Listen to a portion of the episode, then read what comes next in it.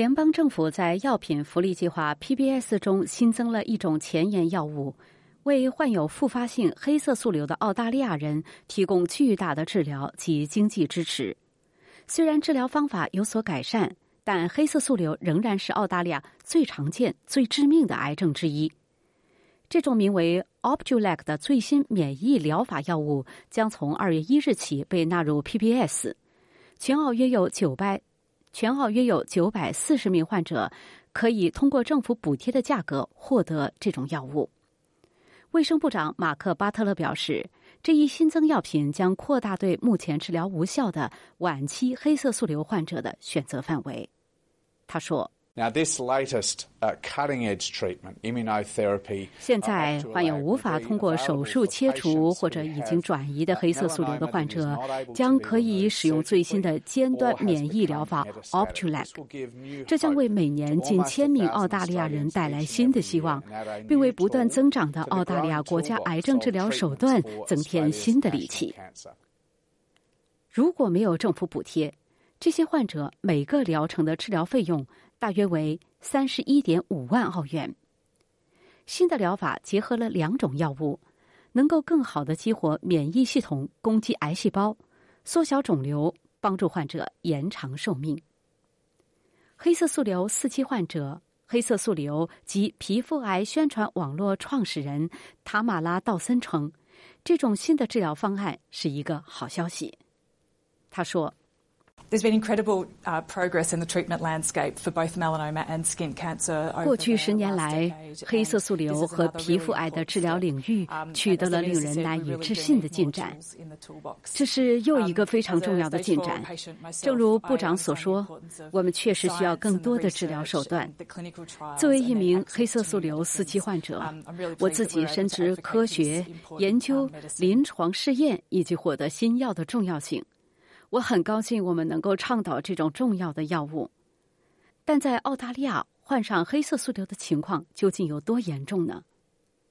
罗伯特·泽林斯基副教授是一位资深的肿瘤内科医生，同时也是西悉尼大学与奥兰治医院中西部癌症护理中心试验部的主任。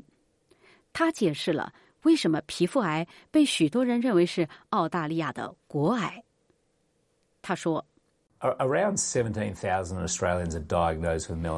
每年大约有一万七千名澳大利亚人被诊断患上黑色素瘤。每三十分钟就有一名澳大利亚人被诊断出患有黑色素瘤。不幸的是，每六小时就有一名澳大利亚人因为黑色素瘤而死亡。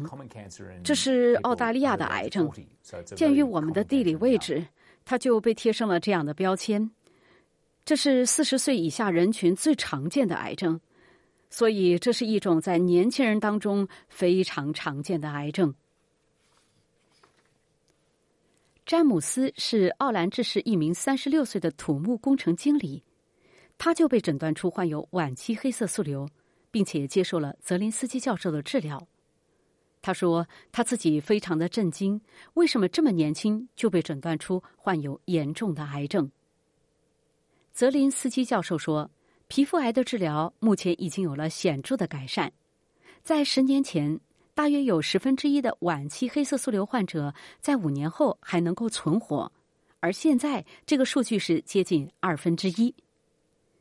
将 Opdualag 列入 PBS 是阿尔巴尼斯政府廉价药品政策的最新进展。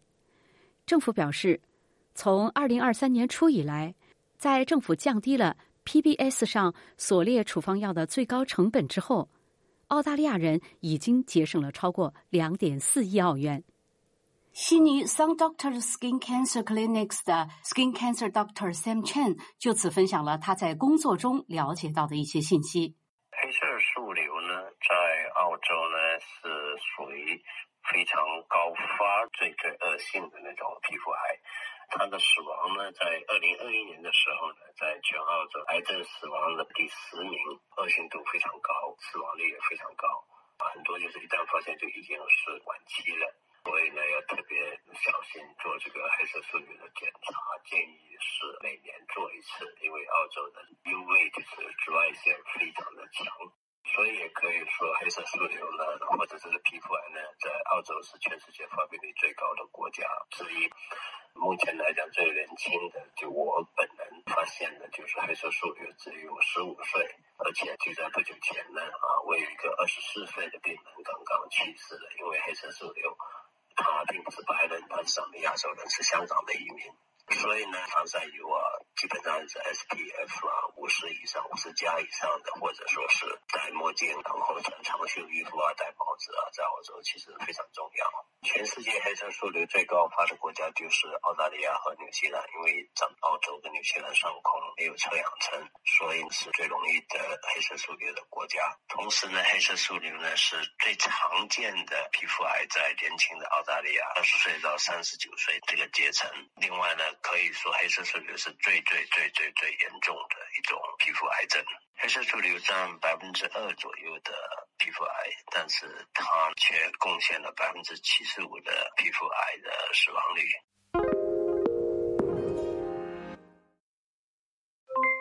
Aloha mamá, ¿dónde andas?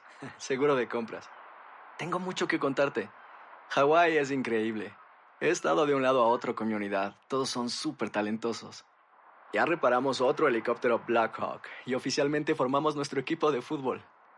Para la próxima te cuento cómo voy con el surf y me cuentas qué te pareció el podcast que te compartí, ¿ok? Te quiero mucho. Be All You Can Be, visitando goarmy.com diagonal español.